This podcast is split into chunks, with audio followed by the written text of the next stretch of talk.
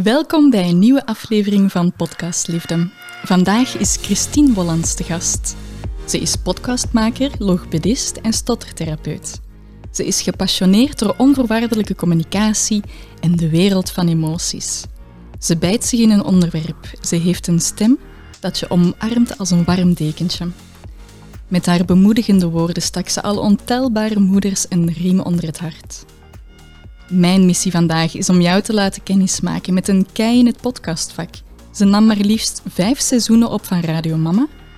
Ze zette haar stempel in podcastland, gedreven door een hunkering naar antwoorden, informatie en herkenbaarheid. Vandaag gaan we het onder andere hebben over podcasten, video en geld verdienen met je podcast. Allerliefste luisteraar, met enorm veel plezier verwelkom ik jou en Christine Wollands bij Podcast Liefde. Dankjewel, zeg wel een intro. ik zit hier in uh, de bekende zeteltjes, de gele stoeltjes van de Ikea, bij Christine Wollands. Hoe voelt het voor jou om uh, op de andere stoel te zitten? Ja, het is wel wat wennen zo. Ik heb ineens een ander zicht en nu staat die plant achter mij in plaats van in het zicht en dan kan ik mijn boekenkast zien. En het voelt wel heel anders, ja. Zo, normaal zit ik inderdaad in de zetel waar jij nu in zit, de vragen te stellen. Mm -hmm. En nu weet ik ik moet niet de, de, de chronologie van het gesprek in doorhouden en mijn vragen uh, bekijken. Dus nu moet ik gewoon antwoorden. Dus ik ben eigenlijk heel relaxed. Jij misschien wat minder. Ja, voilà. Ik ben wel een beetje zenuwachtiger. Maar het helpt wel dat het met jou is. Want bij jou voel ik mij thuis. Want ik ken jou al veel langer dan dit laatste seizoen. Hè. Van waar ja. kennen we elkaar, Christine? Ik heb nog lesgegeven aan u. Mm -hmm. ja, in een, als ik zo denk aan wat ik al allemaal heb gedaan in mijn leven eigenlijk, dan denk ik van, maar hoe kan dit? uh, ik heb nog lesgegeven ook. Um, mijn achtergrond is, zoals dat je het in de intro al zei, als logopediste. Mm -hmm. En uh, ik was eigenlijk in het begin van mijn carrière als logopediste heel erg geïnteresseerd in uh, stemverwelmaking, dus uitspraak, omdat ik eigenlijk ook, toen ik zelf nog logopedie studeerde, ook al bij de radio ben beland, bij Q-Music. En ik had dus een heel grote passie voor stem en uitspraak. En zo uh, is dat dan gebeurd. Ik weet al niet meer hoe, dat ik, uh, denk via Martien, mijn schoonmoeder, die ook op die school Mijn werkte. leraar is Frans nog ja, geweest. Voilà. uh, dat ik dan eigenlijk daar ben beland um, en lessen stemtraining ben gaan geven aan de uh, studenten journalistiek. En daar was jij er eentje van. Ja, inderdaad. Ik was uh, super gemotiveerd. Ik had al wel stemtraining gevolgd en dictie en logopedie en alles. Maar dat blijft ook wel een kunst om te perfectioneren. En ik weet dat ik van jou nog superveel heb bijgeleerd. En ik was nog zo jong toen. ja, ik ook. ja, ja, dat is waar. Ja. ja. Nee, fantastisch. En dan... Um, ja, nu, jaren later, ja, kreeg ik een berichtje van jou met de, de, vraag om te helpen bij Radio Mama. Want normaal gezien, in dit laatste seizoen ben ik hier ook altijd aanwezig geweest. Maar dan achter de schermen, niet in de gele zetel. Wat nee. heb ik voor jou gedaan dit seizoen? Jij was mijn regisseur, hè? want ik ben dus dit seizoen eigenlijk pas begonnen met video ook op te nemen mm -hmm. voor de podcast. En um, ja, daar kwam dan eigenlijk ook bij dat er iemand uh, die video moest regisseren. Echt, hè. Die, mm -hmm. Er zijn drie verschillende camerastandpunten en er moest eigenlijk iemand aanwezig zijn om de knopjes, ja, de knopjes te drukken. Zo, zo eenvoudig is het nu niet, hè, maar om, om eigenlijk alles in goede banen te leiden, die video en die audio. Um, en ook dan mee de montage voor de rekening te nemen van de video ook achteraf dan. Um, en ik vond dat heel fijn om het zo eens een keer niet alleen te moeten doen. Want de vorige seizoen heb ik altijd alleen gedaan. Ja. Uh, en dat was eigenlijk wel tof. Ja. Echt heel tof. Oh, ik ben heel blij ja. om dat te horen. Ja. Dankjewel. Ik vond het ook een enorme meerwaarde. En ook alle diepgaande interviews die jij hier hebt gedaan, dat heeft, die hebben stuk voor stuk een impact gehad op mijn leven. Ja? Ja, ja bijvoorbeeld van Lux Winnen. Nu ben ik overal op zoek naar uh, glimmers. Ja. ja. Um, bijvoorbeeld hier onderweg naar... Uh, met de auto had ik zo bijna een ongeval. Ik dacht, oh, ik voelde me een vaag eens noteren. Hè? en ik dacht, oké, okay, zenuwstelsel moet terug rustig worden. Op, kijk eens even naar de mooie herfstblaadjes, de ja. glimmers. Ja. Ik ben altijd heel erg ontroerd als mensen zo zeggen dat ze um, mijn podcast heel goed vinden als ze zelf nog geen kinderen hebben. Mm -hmm. Omdat ik eigenlijk in mijn hoofd, allee, ondertussen in dit seizoen al minder, maar in mijn hoofd echt een podcast maak voor mama's. Mm -hmm. uh, en dat ik dan denk, dat is niet interessant voor als je geen kinderen hebt. Maar ja, dat klopt eigenlijk niet, hè, want we spreken over kinderen, maar we zijn ook allemaal zelf kinderen geweest. Je hebt, iedereen heeft wel een kind in zijn omgeving. Um, en ook dat innerlijk kind. Hè. Dus het is, allee, het is wel fijn om, om dat bevestigd nog eens te horen, dat, dat dat voor u ook zo was. Inderdaad, maar uw onderwerpen gaan ook zoveel verder. dat is ook zeker gegroeid. Maar laten we even teruggaan naar het allereerste begin, Christine. Ja, Van waar uh, de drang om een podcast te starten? ik, als, als ik daaraan terugdenk, dan denk ik heel vaak terug aan een moment, um, aan, aan twee momenten eigenlijk. Uh, ene moment dat ik zelf babykleertjes aan het opvouwen was toen ik hoogzwanger was van, uh, van Ella. Dus mijn tweede kindje. Dus ik had al Leon en dan was ik zwanger van Ella. En dat ik eigenlijk zo s'avonds laat, als iedereen sliep... Um, als dus iedereen, dat waren er toen nog niet zoveel mensen, ondertussen wel. Uh, als Maarten sliep, want die had aan de ochtend, dus die ging vroeg slapen. En dan um, Leonneke al sliep toen en ik dan zwanger was. En dan was ik babykleertjes aan het opvouwen. Hè. Um, zo die eerste, allerkleinste maatjes, zo maat 50, maat 56, aan het, had gewassen. Ik was die aan het opvouwen. En ik was zelf dan aan het luisteren naar um, een Amerikaanse podcast, die nu ook niet meer bestaat. En ik heb toen eigenlijk heel veel gehad aan die podcast. En ik was eigenlijk... Um, dus dat beeld heb ik zo nog echt voor mij, dat ik zo in een donkere living... Allez, was wel licht natuurlijk, maar uh, zo die kleertjes aan het opvouwen was met die, uh, met die uh, podcast in mijn oren. En ja, ik, ik vond het eigenlijk zo raar dat er bijna geen enkele Vlaamse podcast was. Want dat was toen, hè, dus we spreken dan over 2019 is ze geboren, dus 2018 ja. was dat. Ze is geboren 2018 november. Ja. En dan in 2019 februari ben ik begonnen. En dus ja, hè, dus uh, najaar 2018 was podcastland in Vlaanderen nog zeer beperkt. Hè? Ja. Er waren er wel, maar over het, het, onderwerp moederschap waren er... Ik was bijvoorbeeld op zoek naar een, uh, een aflevering over borstvoeding, omdat dat bij Leon heel moeilijk was gegaan. Um, en ik wilde daar graag informatie over. En ik, ik vond maar twee Nederlandse podcasts, echt uit Nederland, dus, dus niet in Vlaams. En wat ook, wat ook natuurlijk oké is, maar ja, ik vond die dan ook niet zo, eigenlijk niet, heel, niet zo heel straf van kwaliteit. En ik had zoiets van, maar dat is nu zo'n goed medium. Waarom bestaat dat niet? En ja, ik heb dan zelf heel lang bij de radio gewerkt. Ik werkte toen ook nog bij de radio. Dus ik had gewoon zoiets van, ik, ga, ik zal hem zelf maken. Ja. en dan dat tweede moment dat ik mij herinner was... Um, uh, ja, dat was dan niet de start. Want ik, in die zomer van dat jaar, was ik ook al zwanger van, van uh, Ella, zat ik in Portugal op vakantie. En tijdens het middagdutje van Leon was ik aan het opschrijven in een boekje zo welke onderwerpen dat ik allemaal uh, wilde aanraken. Borstvoeding was dan eentje en, en uh, baby, baby's dragen in draagzakken en zo. Dat was ik dan aan het opschrijven. En dan weet ik dat ik dat daarna weer even heb laten liggen zo. En dat dat dan tegen dat zij um, werd geboren terug allemaal is beginnen leven in mijn hoofd. En dat ik dat dan met die kleertjes, dat dat dan echt terug is opgekomen. En dan als zij dan geboren was, in november, en dan in februari, begin februari ben ik gewoon gesprongen. Ja. Wauw, maar aan de sprong kwam er dus toch ook nog wel een heel proces aan vooraf. Ja, ja zeker. Voordat je zoiets durft te doen... Allee, ik durf niet zeggen wanneer dat mijn eerste, het eerste idee er was. Dat was echt vroeg in de, in de zwangerschap, denk ik. Ik weet niet meer exact wanneer, maar voordat je dan zoiets durft doen... Ja, dat is zo. Ja. Hè? Dus het starten van een podcast is ook gewoon wel een beetje een proces. Je gaat eerst moet je je concept verdiepen, je moet ook Ja. zelfvertrouwen krijgen, de imposter op de achtergrond zetten. Ja, maar die heb ik nooit echt helemaal weggekregen. Nee. Inderdaad, ja. Dat begrijp ik zeker. Ik weet ook nog wel de moment dat ik hier jou zag en ik dacht van, ah, Christine die heeft al vijf seizoenen gedaan en wat een goede podcaster. En dat ik jou dan hier zo zag en dat je toch inderdaad een beetje onzeker was over de kwaliteit die je bracht. Dat ik dacht, allee Christine, kom aan. Ja. Ja, wat kan ik zeggen? Dat zit wel een beetje in mijn, in mijn karakter, denk ik. Ehm, maar ik heb, dat, ik heb daar nog altijd wel last van, ja. Mm. On- ja. Nu ondertussen wel minder als het echt zo gaat over podcasts maken zelf. Hè, maar altijd als ik aan iets nieuws begin, en ik, doe dat, ik begin nogal vaak aan iets nieuws, want ik ben zo ook iemand die, ik verveel me heel snel of zo. Allee, of ik, ik, heb- ik doe zo graag mijn eigen zin. Ja. Ik weet nog toen ik was afgestudeerd als logopediste, dat ik zei van ik wil geen leerstoornissen doen. Ik vind dat echt helemaal niet leuk om te doen. En eh, ja, de meeste logopedisten doen dat wel, omdat dat het grootste, ja, de grootste vraag is. Allee, dat was toch toen zo.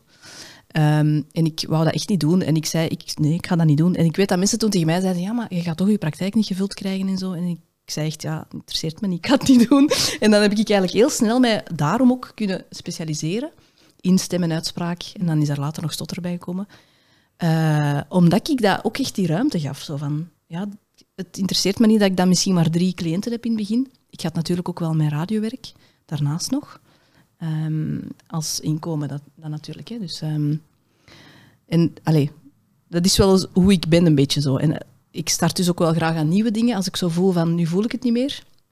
Maar dan ben ik altijd wel even onzeker terug, ja. Ja, ja. dat snap ik. Maar dat is voor niets nodig. Hè? Als je kijkt hoeveel moederharten dat jij veroverd hebt, hoeveel informatie dat jij gegeven hebt aan zoveel vrouwen, dat is onvoorstelbaar. Ik denk niet dat je dat zelf helemaal goed beseft. Want hoe snel is jouw bereik eigenlijk ontploft? In het begin, je doet je eerste aflevering. Had je dat verwacht als je je aflevering publiceerde, dat het nadien je bereik ging ontploffen? Maar nee, misschien had ik er zelfs niet aan begonnen als ik het wist. Nee? Ja, ik had nooit gedacht dat die zo populair ging worden. Nee. Echt niet. En ik kan me eigenlijk ook niet zo heel goed herinneren uh, ik weet niet of ik toen zo'n imposter syndroom had. Ik denk het niet, omdat ik toen eigenlijk ook nog niet zo'n groot bereik had. Ik wist eigenlijk ook helemaal niet zo goed wat dat ging geven. Ik had ook geen vergelijkingsmateriaal. Hmm. Mocht, nu, mocht ik nu beginnen, zou het anders zijn, want er bestaan al heel veel podcasts en al veel meetlatten om u aan te meten. Hè. Ja. Al of al veel um, vergelijkingsmateriaal. Maar toen was dat echt zo van, dat bestaat nog niet. Allee, jawel, er bestonden natuurlijk al wel Vlaamse podcasts, maar ik voelde zo niet echt die druk. Ik had echt hm. zoiets van, ik ga dat eens proberen. Hè. Lijkt me wel eens leuk. Dat, was echt zo, dat voelde echt zo'n beetje als een hobbyke aan. Ik zal wel zenuwachtig geweest zijn, maar uh, niet zo heel erg, denk ik. Dat is mooi ook. Hè? Het verhaal is echt wel begonnen vanuit je wilt iets delen, je wilt zelf antwoorden op vragen waar dat je mee zit. Ik denk dat daar ook wel de kracht van Radio Mama in zit. Ja, het is echt mijn eigen weg geweest als mama, hè? mijn eigen hm. zoektocht zo. Uh, en, en ik ben altijd heel authentiek geweest. En ik heb ook altijd onderwerpen gekozen die zelf in mijn leven aanwezig waren, waar ik ook interesse voor had. Mm en dat is zeker wel een deel van de kracht geweest, denk ik. Ja. ja. En zo zie je ook een heel grote groei in de onderwerpen. Hè? Hoe zie je dat zelf? Zo je eerste seizoen tegenover nu, de zoekende mama naar... Ja, ik ben die zoekende mama niet meer. Hè? Ja. Nu, eh, allez, het ouderschap zal altijd een zoektocht blijven. Dat wil ik zeker niet gezegd hebben dat het nu stopt en dat ik nu de alleswetende mama ben. Dat is zeker niet zo. Uh, maar eh, ja, ik voel nu heel erg in dit seizoen dat ik. Uh, ja, ik vind dat heel moeilijk om dat samen te vatten of om dat te omschrijven, maar dat ik zo niet echt die behoefte meer heb om zo advies te krijgen van experts over bepaalde onderwerpen. Omdat ik nu heel erg heb geleerd, ook net door al die experts eigenlijk, van oké, al die info over, over kinderen en over opvoeden is mega waardevol geweest. Echt mega behulpzaam. Maar op een gegeven moment moet je ook eens gewoon uit je hoofd komen. En eens een keer in je lijf zakken en gewoon voelen dat je gewoon een moeder bent en dat je wel weet wat je moet doen. Hmm. Ehm, en ik, ja, daarnaast voel ik ook wel heel erg dat, dat ik zelf, door de podcast heb ik ook zelf mijn eigen passie heel erg gevonden. En uh, wil ik ook gewoon zelf een expert worden. Mhm. En wat is die eigen passie dan? Ja, dan moet ik zo nog wat, nog wat onderzoeken, echt, mhm. voordat ik dat echt in, een, in, allez, in een vaststaand feit kan, kan, uh, kan vertellen. Maar ja, het heeft te maken met emoties en, en um, met dat onvoorwaardelijke ouderschap en die communicatie en ruimte geven aan emoties, maar ook het zenuwstelsel vind ik heel erg interessant hoe dat, dat werkt. Uh, en ik heb ook in mijn logopedische praktijk, waar ik niet naar terug wil, dat, is, ja, dat, dat interesseert me zo niet mhm. echt meer eigenlijk. Um, allee, dat klinkt nu zo grof, maar ik voel dat ik een andere richting uit wil. En wat ik daar wel van mis, is de, de echte connectie met mensen. Mm. Dus echt met kinderen werken, echt met, met ouders van die kinderen werken of echt met volwassenen werken. En dat heb ik natuurlijk de afgelopen jaren heel weinig gehad. Ik heb heel veel contact gehad met mensen, maar dat was altijd digitaal dan. En ik voel nu even terug dat ik uit mijn hoofd wil, eerst in mijn eigen lijf, en daarom dat ik ook even echt die pauze ga nemen. Ehm, en dan wil ik gewoon ja, terug met mensen werken en allez, niet gezegd dat ik daar, daarom niet meer online ga gaan of zo, of niet meer een andere podcast ga maken, of, of weet ik veel andere trainingen, online trainingen gaan maken. Dat kan allemaal, maar ja, ik, allez, ik wil zo'n beetje daarin landen even. Ja, dat is nogal een bommetje, hè? Geen Radio Mama meer. Ik weet het. Ja. Het is, uh, denk ik, toen als jij het eerst tegen mij vertelde, ik heb uh, het genoegen gehad om heel je proces een beetje achter de schermen te volgen en ik voelde het al wel aankomen. Ik dacht van, volgens mij is er een einde in zicht. En dan via voice message op WhatsApp heb je dan echt het, nieuws gemeld. En ik ben daar echt van moeten bekomen. En ik ben dan heel eerlijk niet eens een vaste luisteraar geweest van in het begin. Ja. Dus ik kan mij voorstellen, al die vaste luisteraars, dat moet wel even zijn binnengekomen. En voor jou ook, die beslissing te maken. Hoe is dat voor jou verlopen? Ik vond dat heel moeilijk, omdat ook de, de reden waarom dat ik um, dit het laatste seizoen heb gemaakt, is, of dat ik heb beslist om ermee te stoppen, zijn heel veel, heel veel redenen bij elkaar, mhm. waarvan een deel uh, privé is en een ander deel niet privé. En elke reden apart kunt je weer leggen. En het is echt de samen, het samenvallen van al die redenen dat voor mij echt klikt en voelt van ja, dat is gewoon echt wat ik nu te doen heb. Mm Daarmee stoppen. Het is, het is mooi, het is afgerond.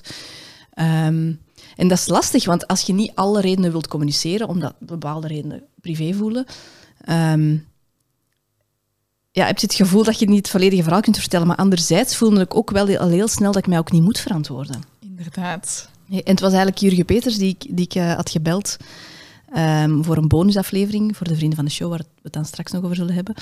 Die, uh, ik begon in een hele uit. Ik zo, ja, en dat is de reden, en dat is de reden. Ik ken die dan een beetje, dus daar voelde dat wel goed om alles gewoon te vertellen. En um, die zei van, ja...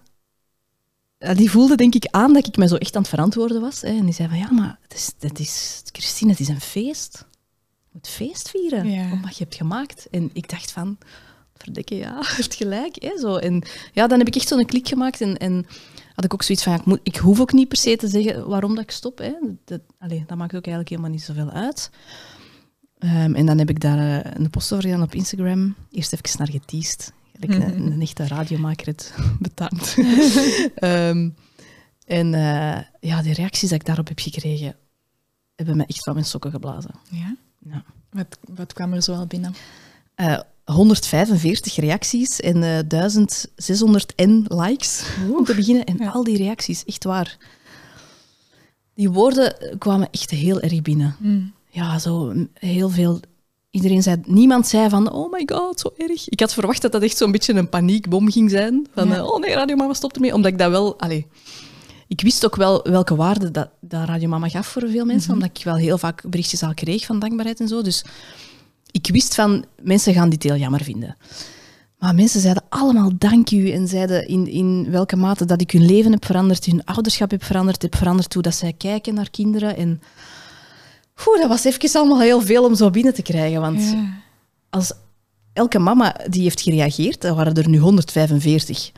En er zijn veel meer luisteraars, dus er zijn er ook die niet hebben gereageerd als die allemaal anders naar hun ouderschap kijken, anders met kinderen omgaan, en die hebben elk twee kinderen, allee, hoeveel kinderen heb ik dan geholpen? Hè? Zo, mm. zo zie ik dat wel een beetje. En dan, ja, dan voel ik me wel heel, um, heel humble. Maar voel het maar. Hè? Ja. Besef dat maar wat jij hebt gedaan voor zoveel vrouwen en zoveel moeders. Ik word er een beetje emotioneel van. ja, maar het is echt zo schoon. Het is echt zo mooi. Ik ben zo dankbaar dat ik uh, zo dicht bij u heb mogen staan dit seizoen. En laat allemaal nog maar wat meer reacties jouw kant op komen. Dat je het echt ook een beetje gaat voelen en nog sterker in je schoenen mag gaan staan. Want ja, het is zo mooi. Ik heb die een dag echt um, veel gehuild. Elke keer als ik zo'n mm. bericht las. En er waren er dan veel. En ik, ja, ja, die bleef dan maar binnenkomen. En ik heb die een dag niet zoveel kunnen doen zo verder. Want dat was echt... Um, en ik... Um, allez, ik zou ze willen uitprinten of zo ergens hangen, want... Ik kan het soms wel gebruiken, zo. Allee... Um, ik wil liever geen bevestiging nodig hebben. Uh, en op dat punt ben ik ook wel ondertussen al, denk ik. Maar het helpt wel. Tuurlijk. Omdat ik wel vaak... En weet je, dat vind ik een beetje het nadeel aan podcasts, maar misschien wel echt het enige nadeel, is dat je minder rechtstreeks contact hebt met je luisteraars. Hè? Mhm. Als je op Instagram iets doet, dan kunnen ze meteen reageren. Wat ik ook heel eng vind trouwens. Hè? Want dan is altijd de brug open naar uh, kritiek. Hè? Um, en, en online is dat dan, je hebt geen echte zenuwstelsels, dus als iemand iets zegt tegen u, kunt, dan neemt je dat op op de manier waarop dat jij het ja, mhm. ziet. Ja, en hoe je kijkt bepaalt wat je ziet. En dat heb ik aan, aan uh, de online wereld altijd zo lastig gevonden. Als je dan zo onzeker bent, dan ga je ook sneller denken dat iets kritiek is, terwijl het misschien niet zo is. Mm -hmm. maar met een podcast, en dat gaf ook, ik zeg nu dat dat een nadeel is, maar het was ook een voordeel, dat je niet meteen reacties krijgt. Uh, dat je, wij zitten hier nu ook met twee. Mm En als ik hier nu iets mega aanstootgevend geef, zeg, dan hebben we daar nu ook geen last van. Want Nee. mensen horen het pas achteraf. En dan kunnen we het eruit We knippen. kunnen het er ook uitknippen, als we niet inderdaad. tevreden zijn. Voilà. Ja. Eh, en als mensen dan daar iets over willen reageren, dan moeten ze al mij mailen. Of, Mhm. hè. Ehm, dat, dat is ja, minder rechtstreeks of zo. Hè. Maar Dus maakt na- het ook een beetje eenzamer misschien. Hè? Ja, of dat maakt dat ik, dat ik het soms minder besefte welke impact dat ik had. Ja. Ehm, omdat mensen echt wel al een stap moeten zetten om u iets te laten weten Hm. hoe goed dat ze het vinden. ja. Dus laat het ons maar weten. Hè? Ja, dat vind ik ook zo leuk. hè. Als er dan wordt gedeeld dat er wordt geluisterd naar de podcast, dat je dan Ja. ook zo eens de mensen ziet, inderdaad. Dat je weet tegen wie dat je spreekt. Ja. Ja. ja, en dat was echt zo'n warm bad. Zo van, Ik heb zoiets ooit, toen de allereerste keer ik mijn online training had ge, gelanceerd, dan had er ook eens iemand een keer eh, een negatieve reactie gegeven. En ik vind dat heel moeilijk. Dat is echt waar ik aan mezelf bij moet werken. En eh, ik, ik heb dus altijd zo wel ietsje van radar in mijn zenuwstelsel zitten, in mijn vagus. of, of mijn zenuwstelsel ziet, is heel alert op gevaar Mm. als ik mijzelf blootgeef. En in de podcastzeteltjes had ik daar zo niet echt last van. Dus omdat die eigenlijk op afstand zaten, dus dat voelde veilig. Op Instagram vind ik dat, heb ik er altijd heel bewust van, dus dat betert wel en dat betert wel. Ehm, maar dus dan al die reacties ineens, voelde ik ineens de warmte. En voelde ik ineens van, je hoeft eigenlijk helemaal niet bang te zijn. Nee. Je zenuwstel, allee, je zegt oké, het is veilig. Ja. Mensen hebben echt allee, een warm, dragen een warm hart naar u uit. En, allee, Ja, super mooi. Ik ben heel blij dat je dat hebt mogen ontvangen. Ja. Ja. Oh, zo schoon. Laten we het dan nog eens even over jouw praktische groei, allee, of eh, de fysieke groei van de podcast doen. Daarmee bedoel ik, we zitten hier nu in een studio met professionele microfoons, camera's, softboxes. Maar hoe was het helemaal in het begin van Radio Mama? Ja, ik moet zeggen dat wij al redelijk nerdy begonnen zijn. Ze. Maar Uiteraard, wij werken- radiolovers. ja, wij werken allebei voor de radio. Dus ik had tegen Maarten gezegd, installeer iets. En hij had dan ook zo meteen zoiets van de schoe. En ik maak er ineens iets deftig van, zodat als ik eens een keer iets van thuis uit moet opnemen voor het werk, Mhm. dan kan dat. Dus dat was eigenlijk al redelijk snel... Allee, dat was eigenlijk vanaf het begin al met heel goede micro's. Mhm. Ehm, echt, ja, we hadden echt zo'n tafeltje laten maken dat dan openklapte, want het was een heel kleine ruimte in ons vorig huis. Rode Ehm, muren. Oranje waren ze, Oranje, ja. En, ja. en dat waren echt geperforeerde. Dus je had toen eigenlijk... Ik, ik had toen mijn eh, oog laten vallen op... ehm echt zo van die boxen. Mhm. Ik deed toen ook voice-over werk trouwens. Dus dat speelde ook wel mee in dat dat echt een goede ruimte mo- moest zijn met goede akoestiek en goed materiaal. Om echt kwaliteitsvolle audioproducten te kunnen afleveren. En ik wilde eigenlijk zo'n box laten bouwen. Dat bestond toen zo, dat je echt zo in je huis zo'n box kunt laten zetten, waar dat je dan hè, met echt een heel goede akoestiek van binnen. En onze aannemer, die mijn praktijk had eh, gerenoveerd, die zei, ik zet dat zelf eh, voor de helft van de prijs. En wij zeiden, ja, is goed, doe maar. En die heeft dan eigenlijk een stuk van onze garage afgesloten. Allee, dus een, ja, een stukje van gepakt. En daar dan eh, van dat moesje eiermateriaal Ja. gestoken. Gyprok, moesje eiermateriaal. En dan geperforeerde gyprok. En dan had ik dat geschilderd. En dan een, een ruimtje, ge- een, een, een bureauke gezet. En dan hele deftige micro's wel. Met statieven. En dan een, een pc daar gezet. Dus dat is wel al redelijk... Dat was al vanaf het begin wel redelijk professioneel materiaal. Maar dat hoeft niet, hè. Hm. Dat is... allee. Nee, zeker niet. Hè. Je kiest zelf hoe dat je wilt klinken. Je kan zelf starten met gewoon de voice recorder van je gsm als je wilt. Voilà. Ja. Want ik werkte ook bijvoorbeeld, en dat is nu dit seizoen ook anders, omdat de video erbij is gekomen, ik wilde ook altijd mezelf horen terwijl ik sprak. En dat komt omdat ik, ik heb dus heel lang nieuws gelezen bij Q-Music, en daar hoort je ook jezelf. En ik was ondertussen daar heel erg aan gewend. Hè. In het begin vind je dat heel lastig hè, om jezelf te horen als je dat niet gewoon bent. Maar ik was dat zo gewoon van op de radio te spreken, met mezelf rechtstreeks te horen, dat dat mij ook gewoon, ik voelde mij dan ook beter en meer in mijn Eh, Dus ik, ik, ik beluisterde ook altijd mezelf rechtstreeks. En dat is dus nu met de video niet meer. En ik voelde dat ik daar in het begin heel erg aan moest wennen. Dat snap ik. Ik moet er nu ook heel erg aan wennen. Ja, dus ik doe dat inderdaad ook. Hè. Ik neem op mijn, met mijn hoofdtelefoon erbij en dan... Ja, ik denk ook, je bent dat gewoon, hè, inderdaad. Ik heb Ja, ook voor de radio gewerkt. Je, je hoort jezelf, je, hoort, je hebt veel meer controle. Het is, nu voel ik mij zo'n beetje leeg en je bent zo in de lucht aan het praten, maar ik hoor het niet wat ik aan het zeggen ben. Zo.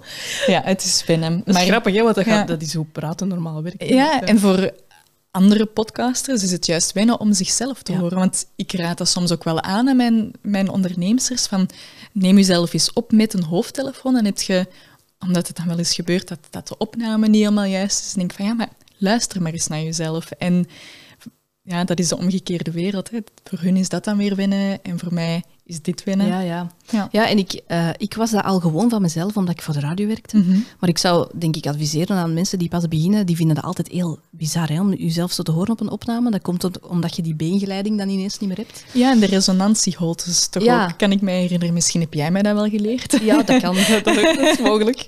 Maar ehm, Ja. ja, ik, je moet gewoon echt heel vaak jezelf, je eigen stem Mhm. beluisteren. Want als je... Dat had ik natuurlijk al vanaf het begin mee. Ik voelde mij eh, comfortabel inspreken voor de micro. En, Mhm. en ik vond ook dat dat goed klonk, omdat ik dat gewoon was. Mhm. Ja, maar als je zo elke keer gaat denken, oh my god, mijn stem, oh, dat klinkt niet goed, dan zit je ook onzekerder in je rol als, als podcastmaker. En dus je hebt eigenlijk eerst dat te doen. Hè. Zo Mhm. hoe gewend worden om jezelf te horen. Ja. En, en beseffen dat je wel goed klinkt. Ook al klinkt dat anders dan dat je wanneer dat je gewoon spreekt. Ja, inderdaad. Dus het is je stem vinden, maar ook inderdaad gewoon worden aan je stem. Hè. Dat is Ja. een drempel om even over te gaan. Maar ja, Christine, jij als radiolover, podcastliefde, waarom heb je dan toch gekozen om er video bij te nemen? Eh, ja, wij zijn dan verhuisd. En ehm, hier was dan zo'n grote ruimte. En ja, dat Voormalige broodjeszaak. de voormalige broodjeszaak. Ja. En dat was dan in fel contrast met mijn vorige studio, want dat was zoiets mini. En dat was ineens een optie. En ik zag eigenlijk ook al zo ehm, bij andere eh, grotere podcasts, Amerikaanse of... of ehm, ik denk nu specifiek aan die van Dr. Rong, Rongon, Rongan Chatterjee. dat is de moeilijkste, de Dat is een goede tongtwister. Feel, Feel Better, Live More of zoiets. Dat is Ah, ja, zo'n podcast die ik ook graag hoor. Dat gaat over gezondheid en, en eh, lifestyle en zo. En ehm, die deed dat zo, van die snippets posten eigenlijk, over stukjes van de podcast. En ik ben ook iemand die content maken verschrikkelijk vindt. Ja. Zo, oh, echt. Ik kan geen, geen blogpost schrijven of zo. Ik ben daar veel te perfectionistisch voor. Ik kijk elke zin na. Dat duurt dan een uur voor ik één stomme post gemaakt heb. En ik wilde mijn... Allee, ik vind dat heel lastig om op die manier zo... Ja, ik, dat, dat zuigt echt wat te veel energie van mij. En zo een videostukje posten is mega tof. Je, je hebt eigenlijk content zonder dat je er extra content voor moet maken, want die is er. Want je hebt die podcast gemaakt. En je kunt ook wel audiostukjes gewoon nemen en, en, ehm, en die dan ondertitelen en daar dan een foto achter zetten. Maar ja, zeker tegenwoordig is Instagram heel video-based. Mhm.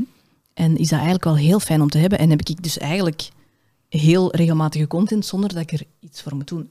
Natuurlijk, hè.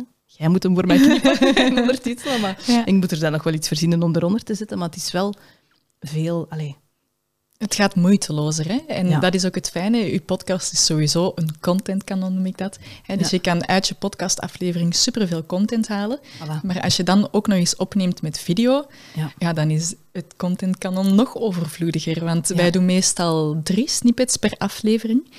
Hè, voor jou, voor Radio Mama. En dan posten we één snippet. Doe je dan meestal de dag voordat die aflevering online gaat. Ja, of de ochtend zelf, dat hangt er zo'n beetje vanaf. Ah ja, ja. voilà. Ja. En wat ik dan ook wel opmerkelijk vind, dat we dan in je statistieken bij eh podcast hosting platform Springcast, waar jij ook bij zit, dan kan je zo kijken van, als jij jouw snippet hebt geplaatst, dat mensen dan nog snel naar de vorige aflevering gaan luisteren van, ah, er komt nog een Is nieuwe dat. Ah, Ja, ja, ja, daarvoor dat, heb ik dus ook hè. ja. ja.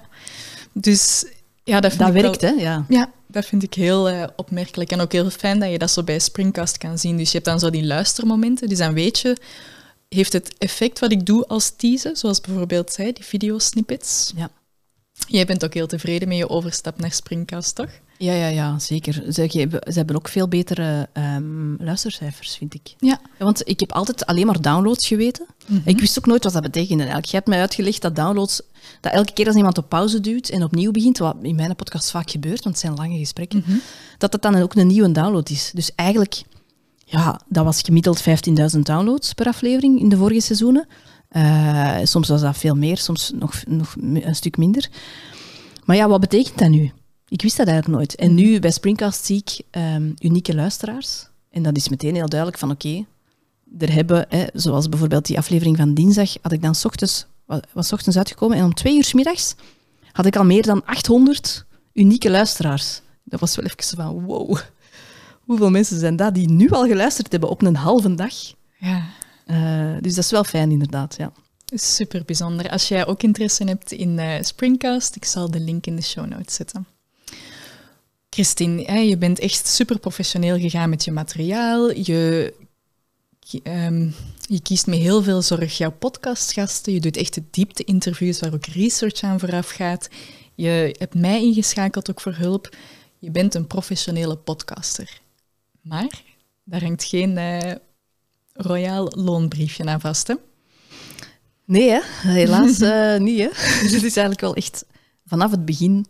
Uh, nee, niet vanaf het allerbegin. Maar wel een zoektocht geweest. In, in het begin nog niet, omdat ik toen nog, nog, nog niet bezig was met... Dat was toen echt een hobby voor mij. Mm -hmm.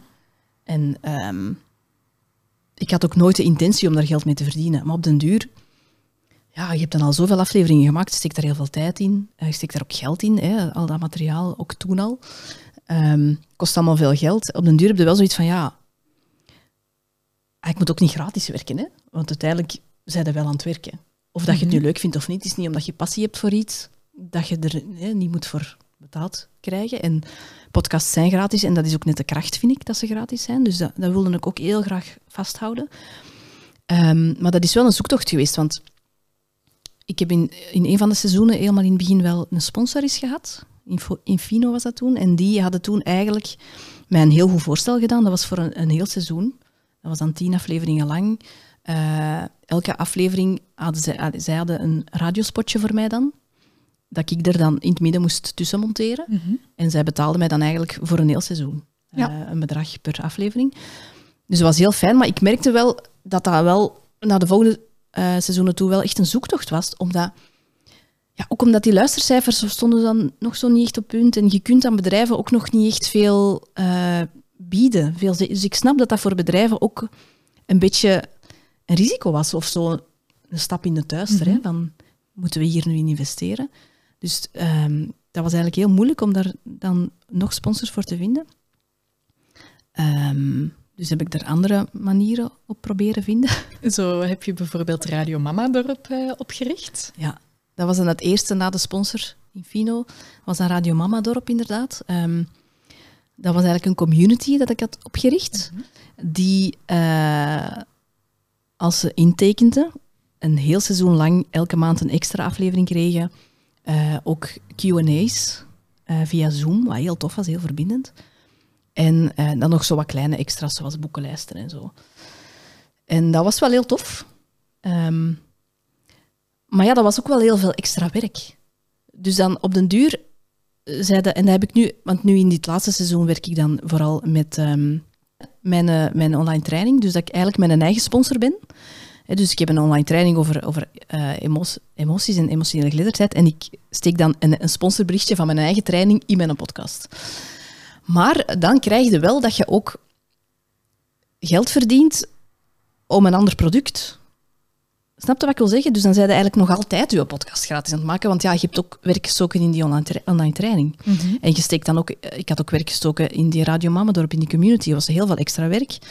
En ja, ik had dan zo het gevoel van, daar krijg ik geld voor, maar nog altijd niet voor de podcast zelf. Mhm. Omdat ik mijn eigen ook met veel extra werk opzadelde. Dus ja, dat was echt zo wat zoeken. Hè. En uh, ik weet dat heel veel mensen ook een podcast inschakelen voor hun bedrijf. Mhm. En dan is het ook een ander verhaal. Bij mij was er de podcast eerst. Ja. Uh, want dan is natuurlijk een podcast een perfecte um, investering en, en manier van promotie op zich voor jezelf. Uiteraard, hè? dat is dan een extra marketingkanaal dat je hebt. Je versterkt je personal branding. Je kan in je reeks vertellen over je proces van een cursus dat je aan het maken bent. Of als coach kan je je um, technieken en stijlen laten zien. Maar bij jou is het inderdaad de omgekeerde Helemaal anders gegaan. Ja. ik heb ook nooit die, intentie gehad om uh, iets te... Uh, iets te promoten vanaf het mhm. begin. En dat is denk ik ook wel waarom het zo groot geworden is. Ja dat het eigenlijk echt gewoon vanuit mezelf komt en niet vanuit ik heb hier een bedrijf te promoten of zo. Hè.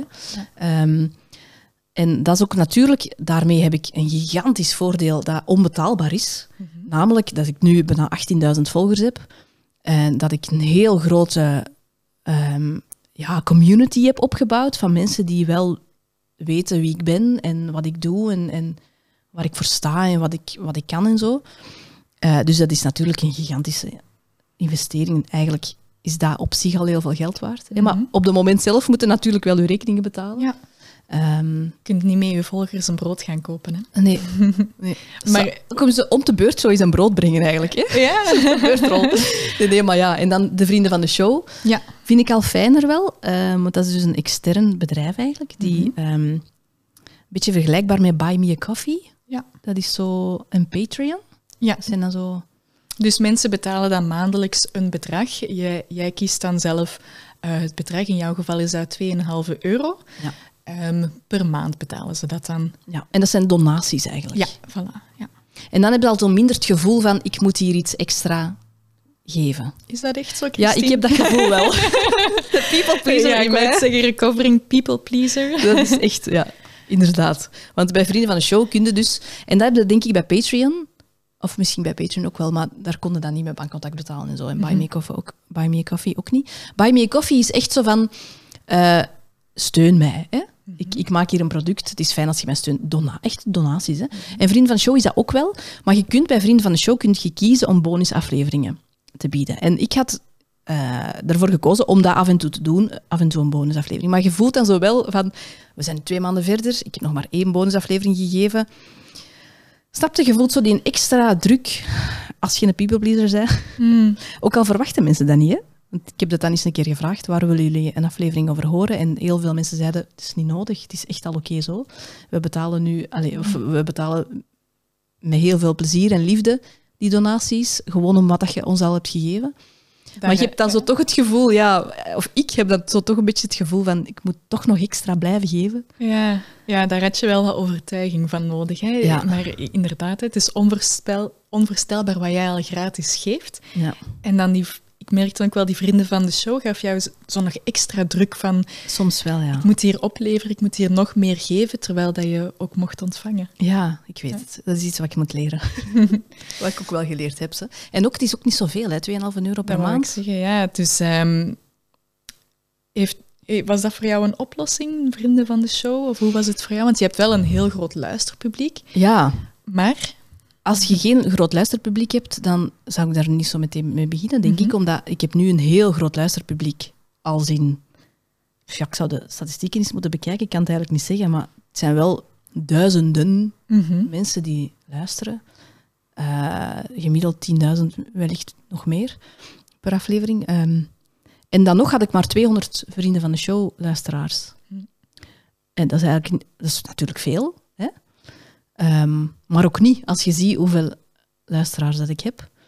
Ehm, dat is natuurlijk ook voor, me- voor mensen een drempel hè, om dat dan te gaan doen, dus ik snap het wel. Ehm, maar uiteindelijk was het dan wel een mooie opbrengst. Maar met al die camera's hier, hè, met de regisseur dan die, die er allemaal, bij- dat er allemaal bij komt, eh, was dat niet voldoende Nee. om uit de kosten te geraken zelfs. Dus vandaar de combinatie met de online training. Ja, het blijft een zoektocht, denk ik. Hè. Het is echt een zoektocht, ja. Ja. En zeker voor jou, podcast is echt je beroep geweest. Hè? Ja. Als in... Dus ja, het is een zoektocht en eh, heel mooi de weg dat jij daarin afgelegd hebt en nu toch tot een punt bent gekomen dat er iets van return is. Ja, en weet je wat ik ook lastig vond aan de zoektocht naar echt zo sponsors eh, van bedrijven? Dat die ook heel vaak zo... Ik ben met een paar in gesprek geweest en die wilden dan ook zo ehm, input in de afleveringen, Ja. inhoudelijk. Meer En- een stempel ja, drukken. dat wou ik echt niet. Nee. Ik wou echt mijn eigen ding doen. Ja, daar hoor ik veel. Hè? Want dus er zijn wel meer podcasters die ik ken op zoek naar sponsors. Maar, en dat vind ik super dapper, toch nee zeggen. Omdat er een te grote ehm, ja, stempel wordt gedrukt. Ja. Of ik wil dat jij dit post, of ik wil dat je dat post. Ja, of de expert uit ons bedrijf eens een keer in één aflevering Mm. laten komen. Ja, Ik voelde heel veel weerstand daartegen. ja. Wel, ik denk dat het wel een mooie oplossing kan zijn, een, een sponsor hebben voor je podcast, maar dan moet je echt wel op zoek gaan naar een bedrijf dat volledig past bij Ja. eh, je boodschap, je verhaal, waar dat je je goed bij voelt en dat je ook de vrijheid kan blijven behouden als creator. Ja, dat is echt belangrijk. Daar Ja. moet je echt achter staan. Want dat is, daar, daar valt en staat een podcast mee, denk ik. Ja, inderdaad. En je eigen ding. Kijk, mooi. En dan zeker ook uh, de connectie naar uw online communicatie. Hè. Je wilt niet op Instagram de influencer zijn dat de hele tijd producten laat zien. Het gaat om de inhoud van je verhaal. Maar het kan wel mooi opgelost worden door inderdaad in je podcastaflevering, dat vind ik trouwens ook al redelijk invasief, maar zo op het einde van je aflevering of in het begin van je aflevering heel even kort van we worden gesteund door ja. X. Um, ja. Maar zie dat je als, je als je zelf een sponsor wilt zoeken, zie dat je daar dan zelf wel je eigen regels voor zet. Hè. Ga niet te snel van, oh, ik ben blij dat ik een sponsor heb en ik ga alles doen wat jij vraagt. Nee, hè. blijf... Uh, je eigen medium in handen houden. Ja, daar sta ik achter, dat vind ik ook. Bij podcasten is het soms ook een moeilijke balans wat je allemaal gaat vertellen. Zo kan het zijn dat je gaat denken van... Zou ik wel bijvoorbeeld praten over mijn moeilijke relatie met mijn moeder, want mijn moeder luistert misschien. Of ga ik dit vertellen, want misschien luistert die of die. En Christine, bij jou is dat dan nog eens duizenden mensen van heel Vlaanderen. Voor jou is dat ook nu toch wel een zoektocht, hè? Ja, en daar stond ik in het begin niet zo bij stil. Hmm. Omdat ik niet wist hoeveel mensen er luisteren. En zeker nu ook, nu dat gefilmd wordt, is dat toch weer zo'n extra, ja, in je ooghoek letterlijk, mhm. hè, besef van people are watching. Hè. Are listening vooral dan. En dat, dat, is natuurlijk vanaf het begin zo, maar ik stond er in het begin niet altijd bij stil. Uh, en dat moet ik wel toegeven, en dat is ook een van de vele redenen mhm. waarom ik uh, dit seizoen het af, aan het afronden ben, is dat ik begon te voelen dat ik het lastig vond om heel kwetsbaar te zijn. En uh, ook over mijn eigen kinderen te delen, mhm. omdat zij ook ouder worden. En omdat ik ook begon te voelen van, oei, maar wacht eens, ben ik hier met die verhalen over mijn kinderen wel hun privacy aan het bewaken? Mhm. En ik voelde dat, dat ik dan ook mij vaak geremd voelde um, in bepaalde gesprekken. En dat ik dan ook dacht van, ja, maar ik kan nu ook niet meer volledig zijn. En dat daarom zo niet meer zo heel goed voelde of zo. Mhm. Ehm, dus ja, dat is ook iets, het blijft voor altijd online staan. Allee, je kunt het natuurlijk weghalen, maar het is meestal niet de bedoeling. Dus dat is zo'n balans tussen uh, wat wilt je vertellen tegen allemaal onbekenden die naar je luisteren en wat niet. En ik ben heel erg voor kwetsbaarheid. Ik denk dat dat heel belangrijk is, dat we dat durven en dat we dat kunnen en dat dat ook heel helpend is. Maar dat moet goed voelen voor jezelf. Hè? Mhm. Dus dat is wel, ja, dat is iets wat denk ik ieder voor zich wat moet aanvoelen. Zo. Ja, inderdaad. En, en daarnaast gaat het ook niet alleen over jezelf. Hè. Uw kleine kinderen zijn mensjes aan het worden, zijn volwassen mensen aan het worden. Ik snap dat dat voor jou wel een um, ja, moeilijke balans is en dat je daar nu ook ergens keuzes in uh, wilt maken. Ja, het, gaat over mijn kinderen en in het laatste seizoen gaat het ook heel erg over hoe bent je zelf opgegroeid en hoe heeft dat een invloed op je, um, op uw ouderschap en, en wat zijn uw eigen trauma's en zo. En ja, dat zijn altijd verhalen die verder gaan dan alleen maar jezelf. Ja. En je bent ineens aan het, niet meer alleen over jezelf aan te spreken. En ja, dat is nog wel een verschil, vind ik. Ik wil ook gewoon de privacy van... Allez, ik durf gerust kwetsbaar zijn voor mezelf, mhm. alhoewel dat ik dat soms ook moeilijk vind. Maar voor een ander wil ik dat niet zomaar bepalen, wat er verteld mag worden en wat niet. Snap je? Nee, dat snap ik. Zo wel ja. ja, en ze kunnen het zelf moeilijk uh, tegenspreken natuurlijk.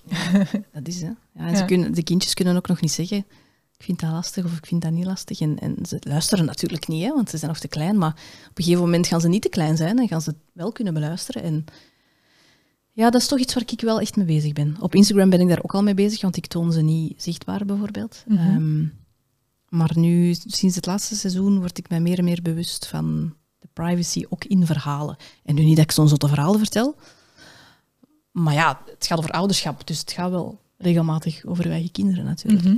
Het gaat over uw eigen kinderen, maar daarnaast gaat het ook over zoveel meer. Er zijn zoveel diepere lagen. En wat ik ook wel heel erg ervaar, is dat het ook steeds meer ehm, ja, over psychologie gaat, dat zenuwstelsel. Is dat een beetje een voorproefje voor uh, de toekomst, Christine? Ik denk het wel, ja. Zoals Nina Mouton zegt het zo mooi, de najuin afpellen. Hè. We zijn mm. een najuin, we zijn geen patat geen aardappel. Met maar één schil en dan de kern. Maar we zijn een ajuin en elke schil brengt ons dieper. Ja. Uh, en ik heb even nu voor mezelf te doen dat ik zelf met een ajuin afpel verder, hmm. in alle rust. En even bij mijn eigen gezin zijn. En dan ga ik wel op een andere, in een andere vorm, niet meer als vragende, interviewende mama, maar zelf als expert uh, naar buiten komen met iets. Maar ik weet nog niet exact wat dat het is dan een goede teaser. Ja, heel mooi. Het is ook ik vind het heel knap ook dat je de beslissing hebt gemaakt om nu op, op een enorm hoogtepunt te stoppen met Radio Mama en te kiezen voor jezelf. En ik weet ook dat je uh, ja, heel erg bezig bent met zelfontwikkeling. Ik weet dat er allemaal dingen prikkelen om cursussen te volgen en dat jij heel erg um, verlangt naar verder evolueren. Mag ik dat zeggen? Ja, dat klopt zeker. Ja. Ik ben eigenlijk elke dag ermee bezig met bijleren. Ja. En daarnaast wil je ook even gewoon zijn hè? Ja. en genieten van het leven. Ja, ik heb nu mijn jongste dochter, die is één geworden in augustus. Ik, heb mhm. die al, ik moet die binnenkort al inschrijven op school. Dus ik mhm. had ineens zoiets van, wow, dit is de allerlaatste keer, want zij gaat niet naar de crash. Het allerlaatste kleine anderhalf jaar dat hier zo een kindje elke dag in huis rondwaggelt. Mhm. En dan is dat voor de rest van mijn leven voorgoed gedaan. Ik wil daar hier even zien en ik wil daarbij zijn, ik wil daarvan genieten. Dus ik ga dat gewoon doen. En misschien ben ik dan na twee maanden beu en dan begin ik dan toch al met iets anders. Maar dat zien we dan wel weer. Nu, dat is nu wat ik voel. Ja, groot gelijk. Hè. Ehm, zoiets mag je niet uitstellen. Als je dat voelt en, en je hebt ook de mogelijkheid, de ruimte om dat te doen. Ik sta er volledig achter. Christine, ga maar even uh, genieten. In je lijf zijn, bij je baby zijn, bij je gezin zijn. Bij Loesje zijn, die ondertussen heel braaf aan het slapen ja, is. is. zo wel ontspannen, hè? Ja, zij was een beetje de mascotte van het afgelopen seizoen. Ja, maar we hebben ze wel, ze was ook wel vaak een, een beetje een stoorzender. Hè? Ja. Als de postbode langskwam of zo. Allee, we hebben regelmatig moeten knippen omdat er een geblaf in zat. Ja, maar ik vind dat altijd wel een leuke aanwezigheid. Bij de opname vandaag bij uh, deze voormiddag hebben wij nog een opname gedaan. Was ook mijn extra taak Loesje een beetje tevreden houden en streeltjes geven. Ja, dus dan mocht je vanaf nu ook in je cv zetten. In, je takenpakket. Hondenstilhouder. Ja, regulator van de eventuele huisdieren. Ja. ja, ik ga Loesje missen. Maar Christine, ik ga jou ook heel erg missen in uh, podcastland. En ik denk dat ik voor heel veel andere luisteraars spreek. Oh, dat is lief. Maar ik bel er nog wel, ze. voilà, je hebt mijn nummer. Christine, heel erg bedankt voor dit gesprek. En ik word weer terug een beetje emotioneel. Dat is echt bijzonder. Ik, ik voel een hele sterke band met jou. Misschien ook omdat we elkaar al zo lang kennen, maar ook ja, uw verhaal, uw stem, wat je hebt gedaan voor de moeders van Vlaanderen. Ik vind u een enorm grote vrouw. Oké, dan ga ik even gewoon laten binnenkomen. Dankjewel. Dank je en luisteraar thuis, jij ook dankjewel. En tot de volgende aflevering van Podcast Liefde. Bravo, die zal ik klappen. Hè. Normaal ja. Goed gedaan. Dankjewel. Ah.